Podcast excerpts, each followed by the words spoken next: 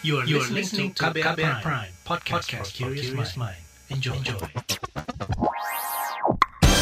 Saatnya Anda dengarkan Ruang Publik KBR. Halo, selamat pagi. Kita berjumpa dalam ruang publik KBR. Tema kita pagi hari ini, pembelajaran tatap muka terbatas di tengah melonjaknya kasus COVID-19. Pembelajaran tatap muka atau PTM terbatas ini akan mulai dilaksanakan pada Juli nanti. Ini sudah Juni, berarti udah bulan depan ya. Direktur Sekolah Dasar Ditjen Pendidikan Dasar dan Menengah Kemendikbud Ristek Sri Wahyu Ningsih mengatakan, Pembelajaran tatap muka ini untuk menghindari learning loss. Ini adalah suatu kondisi pada generasi yang kehilangan kesempatan untuk menuntut ilmu akibat penundaan proses belajar mengajar. Terkait hal ini, Presiden Joko Widodo juga meminta pembelajaran tatap muka digelar dengan ekstra hati-hati dan tidak boleh dilakukan lebih dari dua hari dalam sepekan. Sementara saat ini penambahan kasus positif COVID terus terjadi pasca Lebaran 2021, di mana angka kasus baru harian itu mencapai 5 ribuan kasus. Nah, lantas bagaimana jika pembelajaran tatap muka bisa dilakukan dengan aman di tengah melonjaknya kasus COVID di tanah air? Apakah pembelajaran tatap muka ini atau PTM menjadi satu-satunya cara untuk menghindari learning loss pada siswa? Untuk membahas ini, kami sudah bersama pakar epidemiologi Universitas Airlangga, Windu Purnomo. Selamat pagi Pak Windu. Selamat pagi, baik Eka. Iya, selain Pak Windu ya. ada juga Satriwan Salim, Koordinator Nasional Perhimpunan Pendidikan dan Guru atau P2G. Selamat pagi Mas Salim. Mas Satriwan. Selamat pagi Mbak Eka, Prof. Uh, Pak Windu. selamat pagi juga Pak Satriwan. Iya. Ini ada lima instruksi Presiden Joko Widodo ya Pak, soal pelaksanaan kembali pembelajaran tatap muka, yaitu penerapan prinsip kehati-hatian, kemudian kuota yang hanya boleh maksimal 25 persen dari total siswa, juga durasi tidak boleh dilakukan lebih dari dua hari dalam sepekan. Nah, opsi menghadirkan anak ke sekolah tetap ditentukan oleh orang tua dan semua guru yang sudah harus selesai divaksinasi sebelum dimulai pembelajaran tatap muka. Nah, Mas Satriwan, saat ini kan pembelajaran tatap muka sudah berlangsung di beberapa sekolah di Indonesia. Kalau dalam pengamatan P2G, seperti apa evaluasi pelaksanaan PTM yang sudah berlangsung sejak beberapa bulan lalu? Ya, terima kasih Mbak Eka. Yang pertama adalah sejak bulan Januari kami e, mendata ya daerah-daerah yang sudah memulai uji coba PTM kita nyebutnya ya, uji coba PTM. Ada yang sudah e, masuk ke fase kedua bahkan seperti DKI Jakarta. Rata-rata di setiap provinsi, 34 provinsi itu sudah memulai e, uji coba PTM sejak Januari. Nah, evaluasinya di antaranya adalah satu banyak terjadi pelanggaran prokes ya, protokol kesehatan, baik di sekolah maupun di luar sekolah. Yang paling jamak, yang paling lazim terjadi adalah uh, tidak menggunakan masker atau pakai masker tapi ditaruhnya di dagu, kemudian uh, baik anak-anak maupun guru ya. Uh, kemudian pulang dari sekolah mereka tidak 3M ya, tidak jaga jarak, bergerombol, nongkrong rame-rame uh, termasuk ketika naik angkutan umum. Ini tidak jaga jarak juga gitu. Nah ini kami temukan ya di hampir semua uh, provinsi ya. Uh, dari Aceh kemudian Sumatera Utara di apa Padang Panjang Bukit Tinggi kemudian di Batam Kota Batam lalu di Beka, Kota Bekasi Kabupaten Bogor macam-macam. Hampir semua. Jadi uh, laporan dari P2G demikian sehingga kami melihat di daerah itu memang nah ini perlu edukasi sebenarnya ya bagi orang tua gitu kan dan, dan masyarakat umumnya. Ya biasa gitu. Jadi seperti normal saja gitu kan. E, bahkan ada di beberapa daerah yang kalau kita pakai masker justru diomongin gitu ya. Nah ini jadi persoalan gitu. Iya, jadi di dalam kelas mereka bisa jaga jarak karena kuota dibatasi, tapi ketika pulang mulai bergelombol.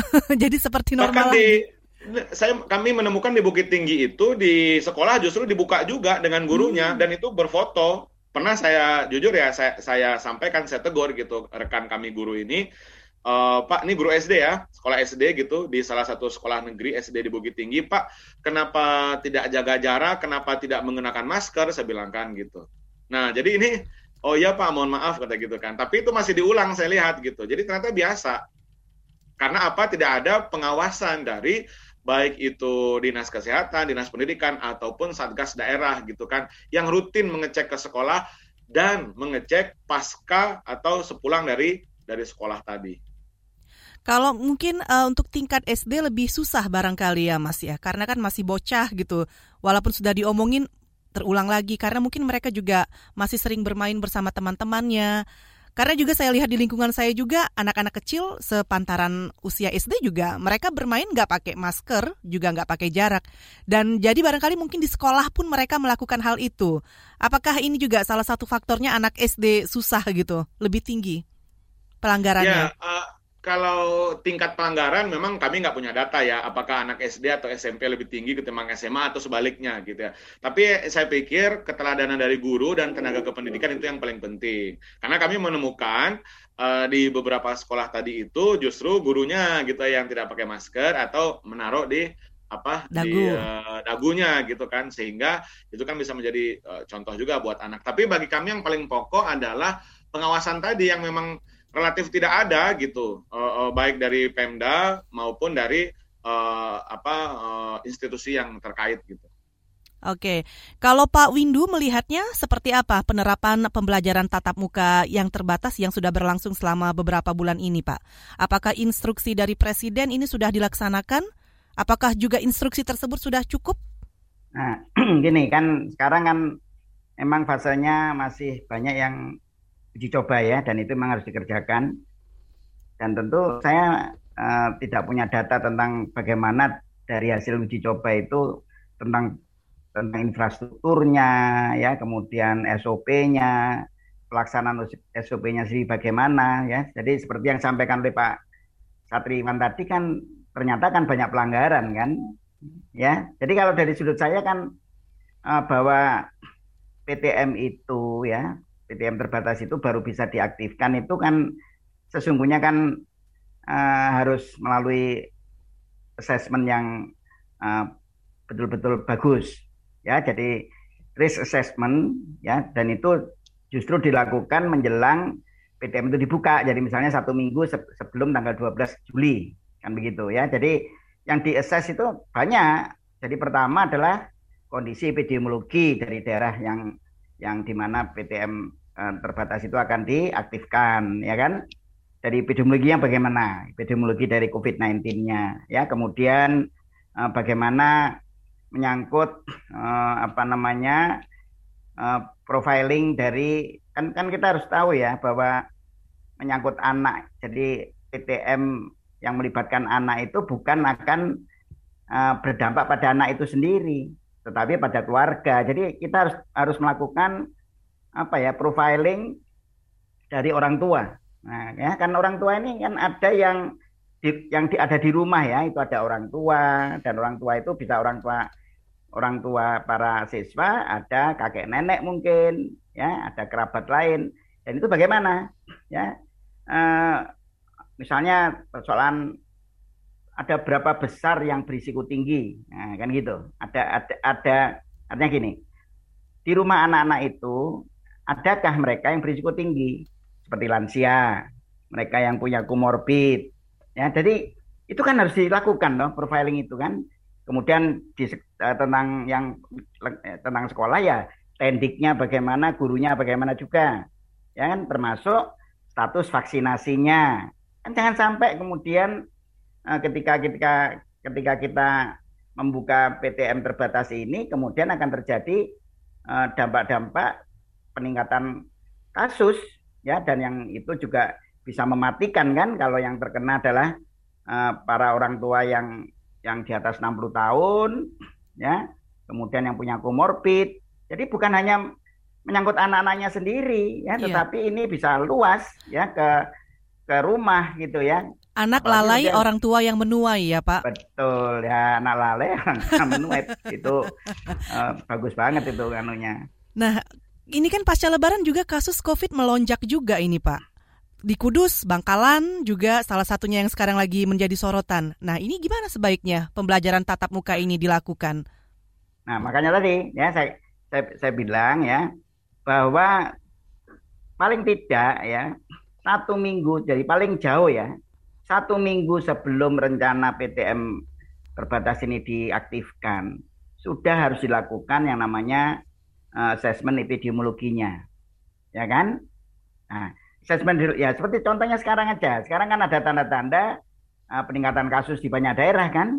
Ya jadi dan sudah bukan tanda lagi di daerah tertentu kan? Jadi sudah memang sudah ada peningkatan ya dan yang yang jelas di sana sampai uh, karena peningkatannya besar sampai kondisi hilir yaitu rumah sakit menjadi walahan ya toh? Jadi um, apa namanya uh, bed uh, sudah menipis sehingga harus di apa dibantu oleh daerah-daerah lain. Nah, ini kan menjadi salah satu salah satu indikator kan ya. Jadi nanti indikator terpenting itu jangan jangan warna sonasi loh ya.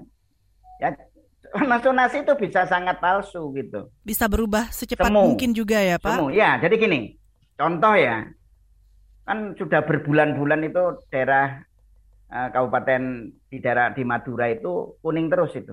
Padahal di daerah Jawa Timur daratan ya, yang daratan ya, yang yang daerah Mentaraman itu uh, berubah-ubah kuning orangnya dan tapi yang Madura ini kuning terus. Nah kuningnya ini apa betul kuning betul?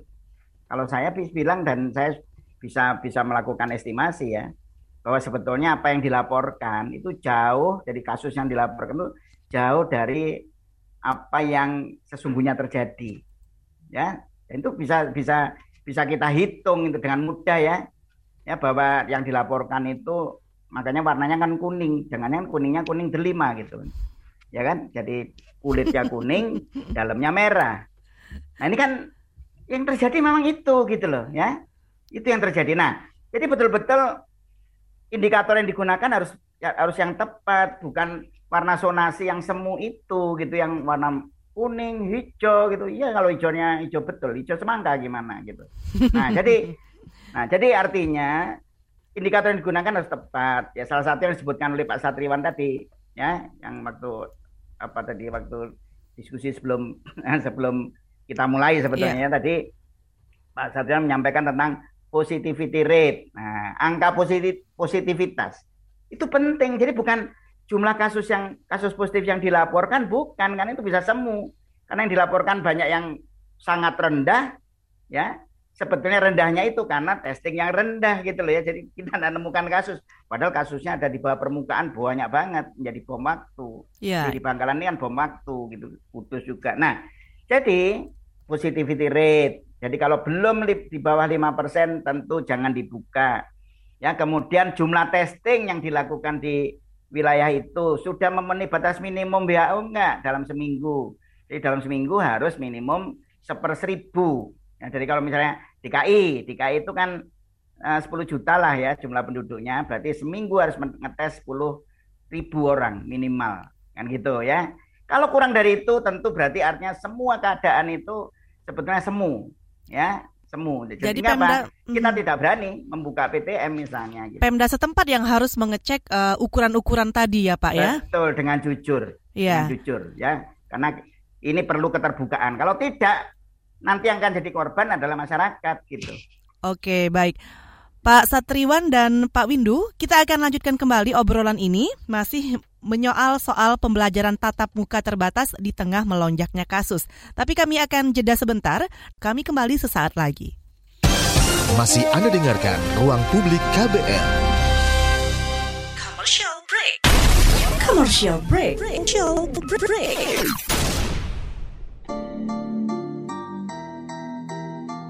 Come on yo. Buat yang sukanya berhoax, you better listen to this one. Check this one out yo. Hati-hati kalau baca kabar hoax. Jangan langsung disebar kabar yang hoax. Kalau mau tahu kabar benar atau hoax, dengerin cek fakta yang pasti bukan hoax. Dengerinnya setiap Senin yang jelas bukan hoax. Cuma ada di kbrprime.id dan aplikasi podcast lainnya. Hoax. Sudah cukup-cukup hoaxnya? Hoax. Cukup. Jaga emosi, tahan jari, verifikasi sebelum dibagi. Saya Aribo Sasmito, Ketua Komite Pemeriksa Fakta Mafindo. KBR Prime, podcast for curious mind. Masih Anda dengarkan Ruang Publik KBR.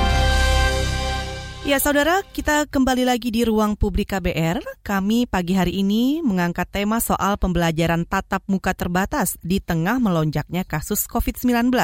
Masih bersama pakar epidemiologi Universitas Airlangga Windu Purnomo, juga Koordinator Nasional Perhimpunan Pendidikan dan Guru atau P2G, Satriwan Salim. Pak Windu dan Mas Satriwan, kita sebelumnya akan mendengarkan dulu ada penelpon dari Pak Jeremy di Grogol, Jakarta Barat yang akan bergabung bersama kita. Pak Jeremy silahkan. Ya, selamat pagi semua. Pagi. Iya, uh, pertanyaan saya adalah, uh, menurut Bapak-Bapak, apa yang harus dilakukan pengajar dan pelajar dalam kasus uh, tidak terbiasa belajar melalui daring, seperti itu? Itu saja? Ya. Oke, terima kasih Pak Jeremy di Grogol, Jakarta Barat. Apa yang di, bisa dilakukan pengajar dan juga pelajar karena tidak terbiasa belajar daring? Pak Satriwan? Ya, uh, ini pertanyaan menarik saya rasa. Uh, dugaan saya tadi mungkin salah satu peserta didik ya mungkin. Yang pertama, uh, pemerintah dalam hal ini Kemendikbud dan Kementerian Agama kan sudah uh, mendesain ya semikian rupa uh, misalnya bagaimana pembelajaran selama PJJ ini uh, baik daring maupun yang luring uh, yang berorientasi kepada uh, apa namanya uh, yang tidak selalu berorientasi kepada penuntasan kurikulum.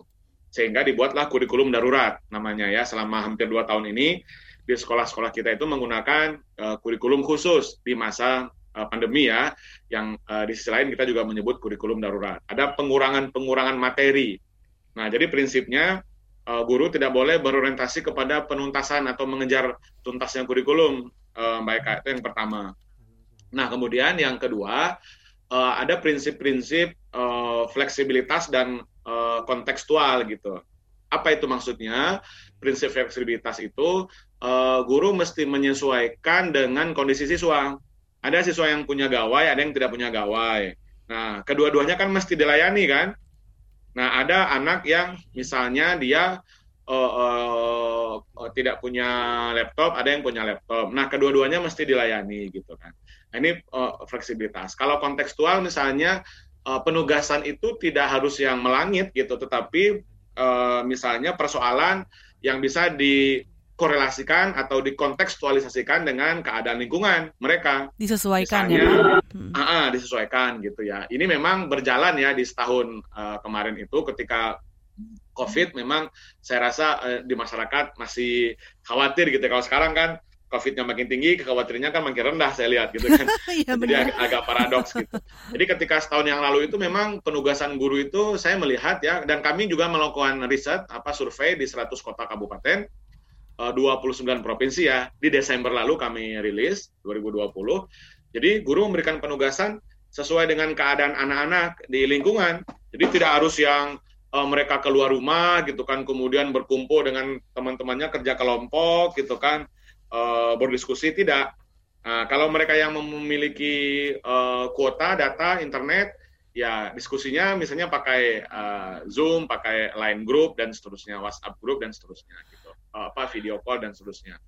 Nah, jadi prinsipnya itu. Tetapi kembali ke yang tadi justru persoalannya adalah PJJ ini kan memperlihatkan ketimpangan. Nah, ini kan diskusi selama dua tahun ini kita kan uh, disparitas yang tinggi antara anak-anak dan guru yang bisa mengakses barang mewah yang namanya gawai, laptop, dan internet dengan anak-anak kita yang tidak memiliki akses terhadap barang mewah tersebut. Belum Jadi lagi ada yang gagap teknologi juga ya, Mas? Nah, belum lagi yang gagap teknologi, baik eh, khususnya dari gurunya kalau ini ya gitu, khususnya dari guru. Jadi ini juga menjadi persoalan. Makanya ada potensi tadi di awal uh, dimention sama Mbak Eka adalah apa learning loss itu gitu kan. Uh, di satu sisi ini memang dilematis ya. Di satu sisi uh, kalau diteruskan, misalnya di daerah yang tidak bisa akses internet, kemudian gurunya nggak ada gawai, siswanya juga demikian. Nah, ini kan mereka memang tidak belajar selama ini, Mbak kalau diteruskan PJJ ya tidak efektif PJJ-nya di daerah seperti ini. Ya kami pernah menyampaikan itu, misalnya uh, apa pengurus P2G di eh, NTT ya, belajarnya itu di Kabupaten ND misalnya, ya tidak ada sinyal, tidak ada ya, apa namanya gawai, sehingga metode guru kunjung. Nah ini kan sering dilakukan ya. kawan kami juga di Kabupaten Bojonegoro juga guru kunjung karena rumah apa rumah anak itu uh, harus ditempuh menggunakan motor trial karena masuk ke perkebunan yang apa masuk ke hutan gitu nah dan itu rumahnya tersebar di mana-mana di Konawe juga demikian okay. nah ini kan potensi learning loss gitu Ya, nah kami akan masih mengulik lagi soal learning loss ini, tapi kita akan bergabung dulu dengan Pak Angga di Krukut, Mas Satriwan. Selamat pagi Pak Angga Saputra. Selamat pagi. Ya, silahkan. Ya, yang ingin saya tanyakan terkait, terkait dengan eh, belajar eh, tatap muka, eh, bagaimana untuk sekolah luar biasa atau SLB. Nah, yang saya jadi pertanyaan, uh, kalau sama-sama tidak melihat atau sama-sama tunanetra itu kan agak susah ya jaga jarak ya. Uh, paling kalau suruh pakai masker, apa cuci tangan itu masih dapat memungkinkan bisa gitu. Nah kalau untuk sama-sama tunanetra, bagaimana cara mengatur jaraknya? Itu saja. Terima kasih Baik, Pak Angga ya, Saputra kasih. di Krukut. Ya. Seperti apa upaya pemenuhan prokes di sekolah luar biasa nih, Mas Satriwan, kalau Anda melihatnya? Ya, ini, ini pertanyaan menarik juga ini. Saya rasa kami uh, misalnya di Bangka itu, eh sorry, di Tanjung Pinang itu uh, ada ya ketua P2G-nya adalah guru SLB ya, SDLB ya disebutnya SLB. Eh, jumlah SLB itu kan apalagi SD kan di satu kabupaten kota kan biasanya cuma satu. Jadi berbeda dengan sekolah-sekolah umum ya, kayak kita gitu kan, sekolah SMA atau SD yang umum. Nah, yang kedua, yang membedakan jumlah siswanya juga sedikit. Satu rombolnya itu nggak kayak kita. Kalau kalau SD kan berapa? 28 satu kelas. Kalau SMP kan 32, kalau SMA kan 36. Nah, kalau SLB itu nggak sampai segitu, Mbak. Uh, palingan sekitar 15 gitu ya. Jadi memang mereka sudah sedikit nih SLB ini. Dan yang ketiga, pendekatannya memang khusus ya dan pasti ada guru gitu ya. Jadi anak kita yang berkebutuhan khusus ini uh, ya uh, yang difabel ini baik yang tunanetra, kemudian tunawicara dan seterusnya, tunarungu dan seterusnya, ini pendekatannya memang khusus dan justru lebih relatif lebih mudah untuk di apa namanya didampingi ya, di, diatur gitu ya. Uh, ketimbang misalnya hmm, anak kita yang uh, SD atau yang PAUD gitu ya kalau PAUD itu Mbak, uh, itu jumlah kelasnya uh, juga besar, ya ada yang besar juga gitu. Tapi kalau SLB, sekolah luar biasa, ini memang jumlahnya sedikit dan relatif mudah diatur untuk jaga jarak saya rasa. Jadi uh, potensi lebih aman gitu ya dibandingkan dengan sekolah yang biasa justru ya Mas Satriwan? Betul, betul. Justru bagi kami yang khawatir itu anak-anak yang uh, kelas yang tinggi ya, SMA, SMK hmm. gitu atau SMP gitu ya. Kenapa? Okay. Karena ya mereka sudah merasa khawatirnya sepulang sekolah ya kalau mereka ini karena merasa sudah apa namanya ah aman uh, kumpul udah lama nggak ketemu dengan teman gitu kan di luar nongkrong terbukti di Kabupaten Bogor kemarin nah ini yang perlu yang asesmen kita mungkin baik lagi sedikit kami menyampaikan mesti ada pemetaan baik sebelum sekolah itu dibuka apa yang dipetakan satu vaksinasi guru ya dalam pernyataan Pak Menkes ya perintah Pak Presiden ini kami mendukung sekali karena ada kata-kata kalau guru belum divaksin tidak bisa sekolah dibuka. Nah kenyataannya ini untuk uji coba. Kenyataannya. Nah, kemarin, nah yang yang yang uh, apa namanya beberapa waktu yang lalu uh, ketika uji coba PTM di Kabupaten Bogor ya kami mengevaluasi juga jumlah sekolah 230 ya enggak yang dibuka berapa uji coba 170 Nah ini kan namanya uji coba apa buka beneran ini ya 170. Jadi itu berapa persen tuh ya hampir berapa 80 persen. Mm-hmm. Gurunya ada yang belum divaksin. Nah tapi sudah berani uji memberanikan diri uji coba uji coba tatap muka coba. Nah sehingga ada anak SMA yang terkena uh, apa terpapar tiga orang SMA negeri langsung ditutup lagi sekolahnya ya di Lewi Lewi Liang ya SMA negeri Lewi Liang tuh tiga siswa. Okay. Nah, jadi kan hal-hal yang seperti ini pemetaan vaksin. Yang kedua, pemetaan kesiapan sekolah dari segi prokes, fasilitas. Coba deh cek. Ini untuk edukasi publik juga. Di dalam dashboard ya kesiapan sekolah tatap muka Kemdikbud, enter gitu ya di Google kata kuncinya itu dashboard kesiapan sekolah Kemendikbud gitu enter, silakan cari. Itu baru 54 ya, koma berapa hari ini ya? 54 anggaplah 55 persen. sekolah yang baru mengisi kesiapan sekolah tatap muka 55 persen. Berarti 45 persennya tentu jelas tidak siap wong belum mengisi ya kan dari iya. total 534 ribu ya atau 530-an ribu sekolah di Indonesia. Okay. 55 persen yang baru mengisi. Nah ini pasti mesti divalidasi dulu. Belum tentu yang sudah mengisi itu mereka siap. Mm -hmm. Contoh, mm kan di situ ada 11 item, namanya daftar periksa. Kalau IDAI menggunakan istilah daftar tilik. Lebih lengkap nih IDAI. IDAI itemnya 19 item, Mbak. Kalau Kemendikbud cuma 11 item. Apa misalnya termogan, kepemilikan termogan, tempat cuci tangan yang uh, mengalir air bersih, disinfektan, ya enggak uh, tem, apa pemisah pemisah meja atau bangku dan seterusnya 11 item. Nah, tetapi di daftar periksa versi Kemendikbud tidak berbicara kuantitas. Kalau termogannya cuma satu, apakah layak untuk dibuka sekolahnya? Wah, kalau masuknya pukul 7, Mbak Eka ingat kan sekolah zaman dulu? Yeah. Ya, sama yeah. sama yang sekarang. Masuk jam 7, kira-kira anak itu rame datang jam berapa? Ya 6.50, kalau enggak 6.55 kan? Padat ya, bergerombol. Bergerombol.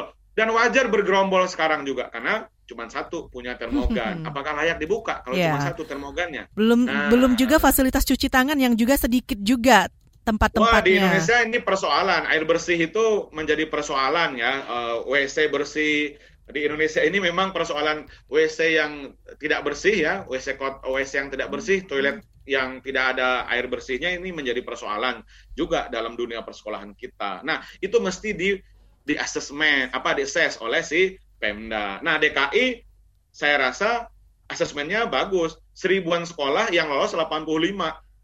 Bahkan mengundurkan diri dua jadi 83. Oke. Okay. Itu di fase pertama. Fase kedua sekarang agak naik sedikit. Ya, sudah uji coba yang sekarang 226 sekolah mm -hmm. dari seribuan sekolah. Kemarin sudah mulai ya, Mas Satriwan? fase kedua, fase ya. kedua itu. Oke, okay. oke, okay. kita akan lanjutkan obrolan ini dan sebenarnya kita juga ada banyak pertanyaan untuk Pak Windu. Pak Windu, tapi nanti kita akan jeda dulu sebentar. Kita akan ngobrol selanjutnya masih membahas soal pembelajaran tatap muka terbatas di tengah melonjaknya kasus COVID-19. Kami kembali sesaat lagi. Masih Anda dengarkan Ruang Publik KBR. Terima kasih Anda yang masih bergabung di ruang publik KBR. Kami masih membahas soal pembelajaran tatap muka terbatas di tengah melonjaknya kasus COVID-19. Masih bersama pakar epidemiologi Universitas Airlangga, Windu Purnomo, juga Koordinator Nasional Perhimpunan Pendidikan dan Guru atau P2G Satriwan Salim. Nah, ini terkait anak-anak yang terpapar COVID-19 ini kalau melihat dari studi di Rumah Sakit Cipto Mangunkusumo atau RSCM Jakarta, ini menemukan angka kematian corona pada anak-anak itu mencapai 40 persen. Penelitian ini dilakukan sejak Maret hingga Oktober 2020 ya dan sudah dimuat dalam jurnal dalam International Journal of Infectious Diseases. Nah, Pak Windu, apa hal-hal lain yang harus diperhatikan untuk mengurangi resiko kematian pada anak akibat COVID-19 ini, Pak? Ya, jadi sebetulnya kan gini ya, anak-anak ini sebetulnya relatif uh, dibandingkan kelompok yang lebih tua, lebih dewasa, itu lebih baik ya dalam imunitasnya. Ya, tetapi kan kenyataannya untuk Indonesia, ya untuk Indonesia, angka angka kematian uh, pada anak karena COVID itu jauh lebih tinggi daripada angka di Amerika, di malah, malah 10 kali lipat ya dibandingkan dia angka di kematian anak di Amerika maupun di di China. Ya, jadi ini karena banyak masalah uh, kesehatan di anak-anak ya di Indonesia loh ya.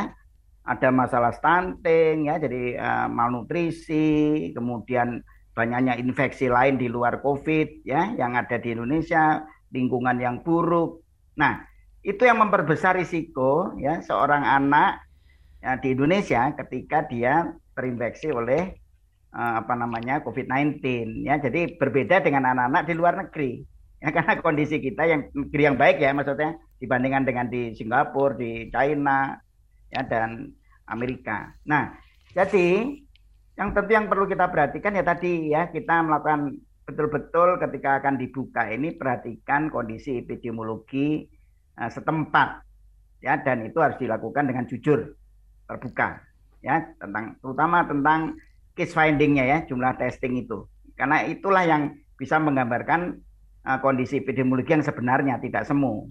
Nah, jadi kemudian yang di, di, di harus dilakukan lagi adalah tadi ya, jadi profiling anaknya sendiri. Jadi tentu anak-anak yang mempunyai komorbid kan anak-anak itu kan ya memang meskipun tidak tidak terlalu banyak ya yang anak-anak yang katakanlah memang sejak lahir sudah mempunyai apa ya kondisi eh, apa namanya yang bawaan yang tidak yang tidak favorable lah gitu ya. Nah, itu yang harus di, tidak diperbolehkan untuk ikut dalam PTM terbatas.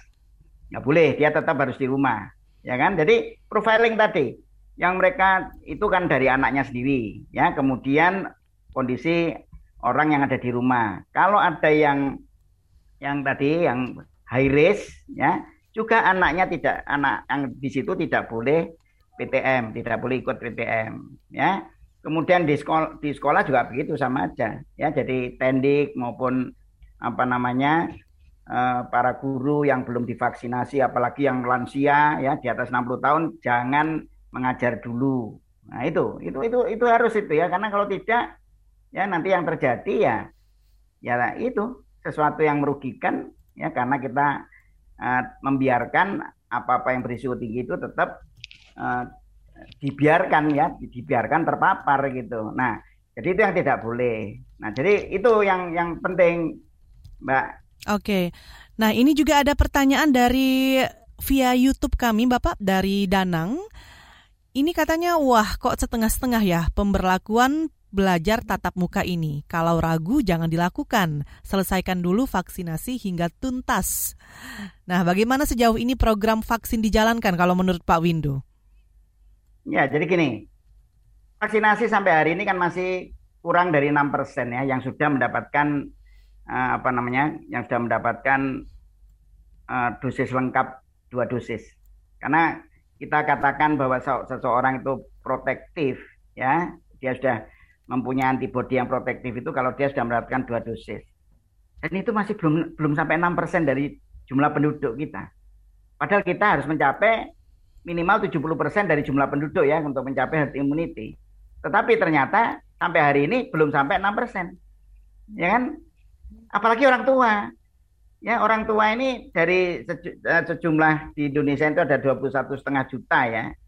Ya, sebetulnya lebih dari itu tapi oke okay, kita uh, apa yang yang yang ditargetkan oleh pemerintah 21,5 juta. Ya, itu yang divaksinasi belum sampai 10 per, uh, masih 10 persen. Ya, masih 2 juta sekian gitu. Jadi artinya masih banyak yang belum terlindung. Ini sampai hari ini.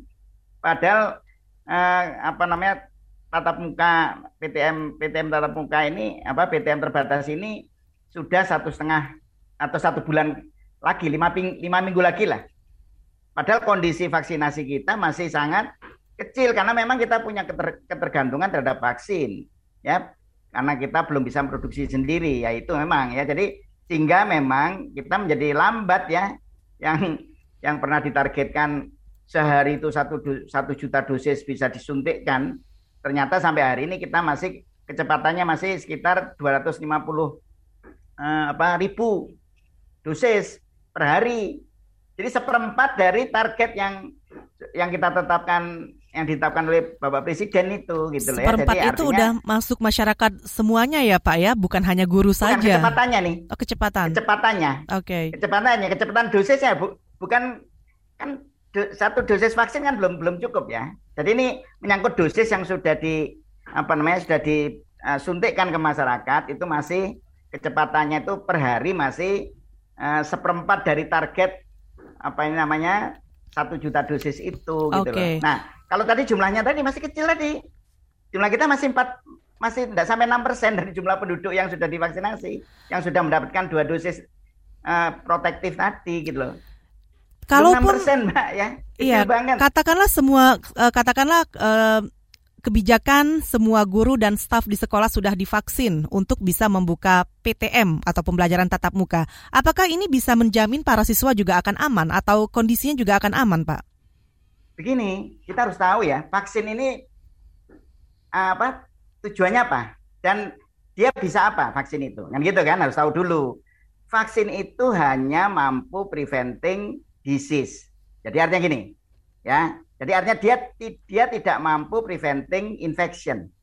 Ya, jadi artinya gini, seseorang yang sudah divaksinasi apa apa uh, dua dosis yang sudah protektif itu masih bisa tertular mbak masih bisa tertular dan dan dia juga masih menulari orang kan wong dia bisa tertular ya kan tapi kalau dia tertular dia tidak akan sakit berat ya jadi sakitnya paling ya ringan-ringan atau tanpa gejala jadi artinya seseorang yang sudah divaksinasi itu masih bisa tertular dan bisa menjadi penular kalau dia tidak menggunakan protokol kesehatan yang 100%.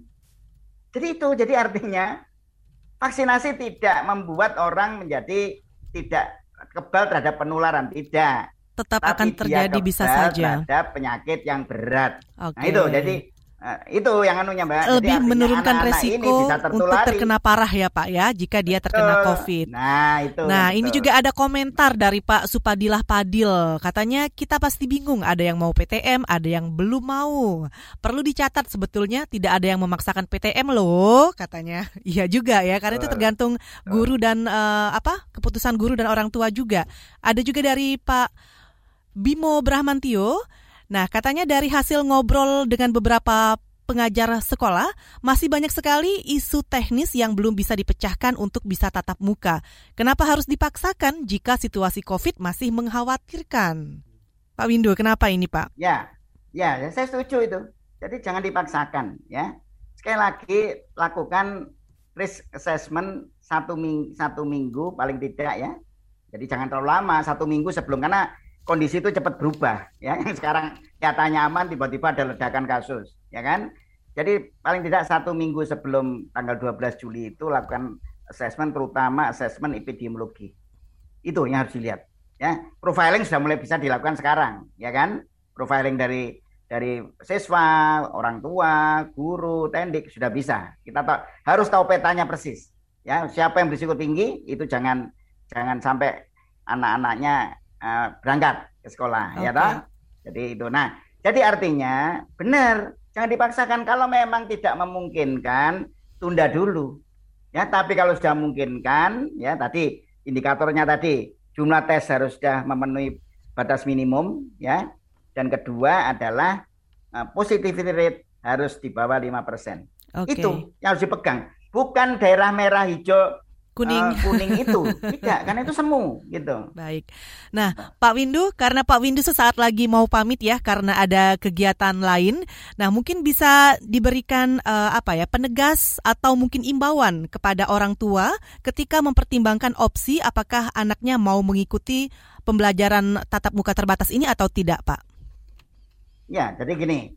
Jadi apa pun ya tentu dahulukan uh, apa namanya kehidupan dan kesehatan ya sebelum pendidikan.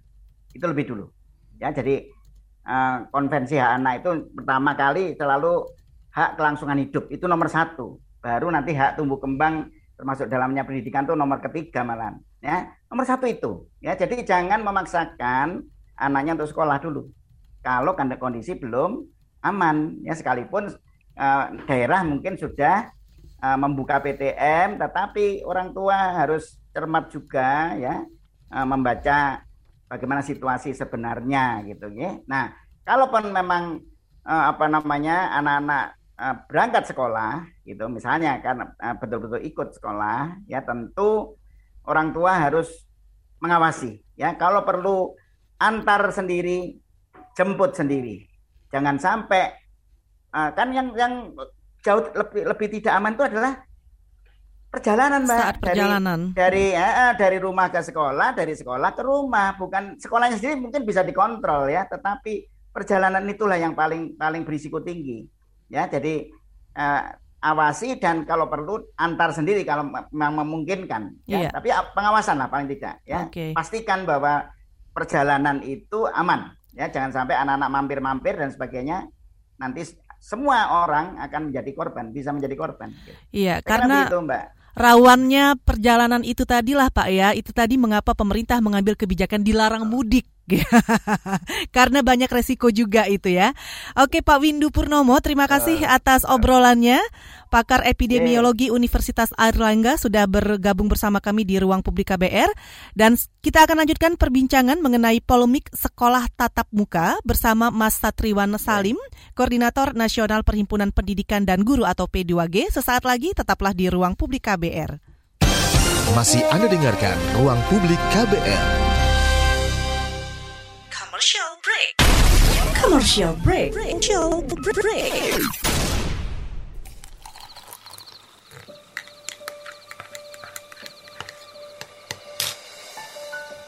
Hai, kamu apa kabar? Masih suka menikmati senja dan kopi? Aku masih ingat kebiasaan kita. Sehabis pulang kerja, selalu mencari tempat untuk sekedar ngobrol dan ngopi. Tapi kadang kita kehabisan bahan obrolan. Aku masih melakukan hal yang sama sampai sekarang tanpa harus takut habis bahan buat ngobrol. Karena aku selalu mendengarkan KBR sore dari Senin sampai Jumat jam 4 sore. Ah, aku rindu. KBR Inspiratif Terpercaya. Masih Anda dengarkan Ruang Publik KBR. Ya, saudara, ini adalah bagian akhir ruang publik KBR. Kami masih ngobrolin soal pembelajaran tatap muka terbatas di tengah melonjaknya kasus COVID-19 bersama Satriwan Salim, Koordinator Nasional Perhimpunan Pendidikan dan Guru atau P2G. Nah, Mas Satriwan, kita juga mendapatkan uh, chatting di YouTube kita. Ini ada dua, kami bacakan sekaligus. Ada dari Wikan Wirat Songko, jika nanti diterapkan pembelajaran tatap muka yang hanya berdurasi dua jam dan hanya dua kali dua hingga tiga kali seminggu, ini juga sesuai dengan instruksi presiden sebenarnya ya. Apakah bisa mengejar materi dalam satu semester atau metode pembelajarannya yang berbeda? Ini dari Wikan di Bekasi. Selanjutnya juga ada dari Paul M. Nuh. Ada sekolah yang meminta izin orang tua agar anaknya bisa ikut PTM. Tapi dalam penjelasannya, jika anak didik tertular COVID-19 di sekolah, orang tua tidak boleh menuntut pihak sekolah. Nah, ini gimana nih Mas Satriwan? Ya, ini pertanyaannya aktual banget ya. Yang pertama Mas Wikan tadi uh, saya uh, apa ralat sedikit uh, di aturannya itu Pak Presiden atau Pak Menkes menjelaskan maksimal dua jam sehari, maksimal dua hari seminggu, mm -hmm. gitu ya tetap mukanya itu. Nah, apakah efektif? Nah, ini menarik sekali diskusinya. Uh, sekarang kan diberikan kewenangan kepada guru untuk apa? Maksudnya kepada manajemen sekolah untuk mendesain dua jam itu kayak gimana? Dua jam, ya kan? Dua jam normal ya, karena di sekolah itu istilahnya dua jam pelajaran. Satu jam pelajaran itu kan uh, ada yang 35 menit, ada yang 40. Kalau SMA itu 45 menit. Artinya kalau hanya dua jam normal, memang saya menduga mengasumsikan paling dua mata pelajaran aja, ya kan, dua, dua mata pelajaran. Nah, terus mata pelajaran apa? Kalau di dalam keadaan PJJ kan sehari kita bisa 4-5 mata pelajaran. Ya, kita masuk pukul 7, ini PJJ ya, mm-hmm. keluar pukul setengah satu, ya kan, atau jam 12 istirahat setengah jam. Jadi kalau nanti masuk itu hanya dua jam, paling dua mata pelajaran saja, Terus pelajaran apa? Nah, kami sih melihat memandangnya adalah pelajaran yang materi yang susah, yang relatif susah. Ya kan yang diharapkan oleh anak. Anak biasanya kan mengatakan umum tuh yang ini susah loh gitu kan. Atau SMK tuh yang praktek misalnya. Ya kan yang praktek. Nah, ini loss learningnya kan di sini. Bayangkan anak-anak SMK itu uh, yang lulus tahun ini dan tahun kemarin uh, Mbak Eka, yang mereka itu keterampilannya uh, dipertanyakan juga, ya kan? Kenapa? Karena mereka tidak mendapatkan praktek selama satu tahun ini kan, kurang lebih kan? Nah, karena prakteknya nggak mungkin di rumah. Nah, yang SMK ini mendesak untuk masuk sebenarnya, sehingga dua jam itu dipakai betul-betul untuk yang mata pelajaran berbasis praktik. Kalau untuk di luar SMK, saya rasa sekolah nanti akan menentukan dua jam itu dipakai untuk mata pelajaran yang bagi anak-anak susah bagi anak-anak butuh penjelasan ya uh, yang agak mendalam gitu misalnya yang tidak bisa menggunakan uh, PJJ online. Nah, itu. Seperti yang pelajaran kedua, matematika nggak kurang lebih mas? Atau pelajaran apa? Ya kurang. Betul betul. Ya yang bagi publik susah kan matematika ya. Kalau hmm. bagi uh, pakar matematika, matematika itu gampang kan begitu kan katanya. Nah jadi bisa matematika atau misalnya uh, IPA gitu ya uh, apa namanya ya ini memang kalau di kalangan guru ya bisa bisa menjadi kontroversi juga gitu. Susah itu kan selalu diasosiasikan dengan mata pelajaran penting ya padahal nggak seperti itu ya logikanya gitu ya. Nah jadi yang kedua tadi pertanyaan terkait dengan uh, surat. Memang kenyataannya uji coba kemarin itu izin orang tua yang menentukan. Sekolah memberikan surat mereka ya kan? Suratnya kurang lebih begini ya saya yang bertentangan di bawah ini orang tua murid atau wali dari Eka Juli kelas uh, 11 SMA Negeri 123 ya kan? Memberikan izin garing tidak memberikan izin anak saya untuk mengikuti pembelajaran tatap muka. Ya jika terjadi apa jika terjadi hal yang tidak diinginkan maka tanggung jawab sepenuhnya orang tua wali murid. Tanda tangan tanggal tanda tangan Nah, bayangkan orang tua yang ketempuhan kan kasihan orang tua. Jadi, yang mengizinkan atau tidak mengizinkan orang tua yang menanggung resiko juga orang tua jika terjadi hal-hal yang tidak diinginkan di sekolah. Oleh karena itu, kami meminta ya kepada kepala-kepala sekolah jangan hanya surat seperti itu yang diberikan kepada orang tua tapi disampaikan bagaimana kesiapan sekolah terkait PTM sampaikan ya eh, kami SMA Negeri 123 menyampaikan tadi kesiapan sekolah. Satu, vaksinasi guru dan tenaga kependidikan. Sampaikan berapa guru yang sudah divaksin, berapa yang belum. Kedua, kesiapan terkait dengan fasilitas. Satu, kami punya termogan satu, ya toilet bersih dua, desinfektan cuma lima, ya kan, dan seterusnya dan seterusnya. Sehingga orang tua bisa memberikan keputusan masuk atau tidak masuk itu based on data tadi. Ya, jadi tidak tidak apa namanya kalau kata orang-orang kan membeli kucing dalam karung gitu. Nah, jadi ini kan yang beresiko kan orang tua tidak tahu eh gurunya sudah divaksin apa belum ya. Kemudian oh ini sekolah punya termogan kagak ya? Ini sekolah punya apa namanya disinfektan apa enggak ya? Nah, jangan seperti itu. Nah, kenyataannya Mbak Eka ya, umumnya yang terjadi selama uji coba kemarin, sekolah hanya memberikan surat setuju nggak setuju tadi tuh. Hmm. Nah, itu yang saya rasa uh, apa namanya hak-hak dasar anak dan orang tua mendapatkan informasi penting dari sekolah tidak didapatkan. Begitu. Nah, kalau kejadiannya seperti itu harusnya seperti apa nih yang dilakukan uh, campur tangan dari pemerintah daerah setempat? Nah, itu dia yang tadi saya katakan ketempuhan. Tahu kan, SKB ini kan menyerahkan kepada Pemda dan orang tua. Pemda memberikan kepada sekolah, sekolah memberikan kepada orang tua, orang tua pusing sendiri. Oke. Okay. Nah itu yang kita kritisi mestinya yang bertanggung jawab di sini adalah Pemda. Ini kan orang tua kan. Nah makanya saya meminta sekali lagi orang tua betul-betul ya apakah melalui komite sekolah meminta transparansi sekolah terkait kesiapan sekolah uji coba tatap muka. Okay. Sehingga ketika dia memutuskan, oh saya mengizinkan anak saya masuk sekolah setelah saya membaca uh, laporan uh, terkait kesiapan sekolah, kan gitu ya. Atau sebaliknya, ah kayaknya saya ragu-ragu nih, ini kok vaksinasi gurunya baru satu guru yang divaksin. Kemudian termoganya cuma satu. Kemudian mereka tempat cuci tangannya cuma dua. Wah, saya nggak mengizinkan tuh.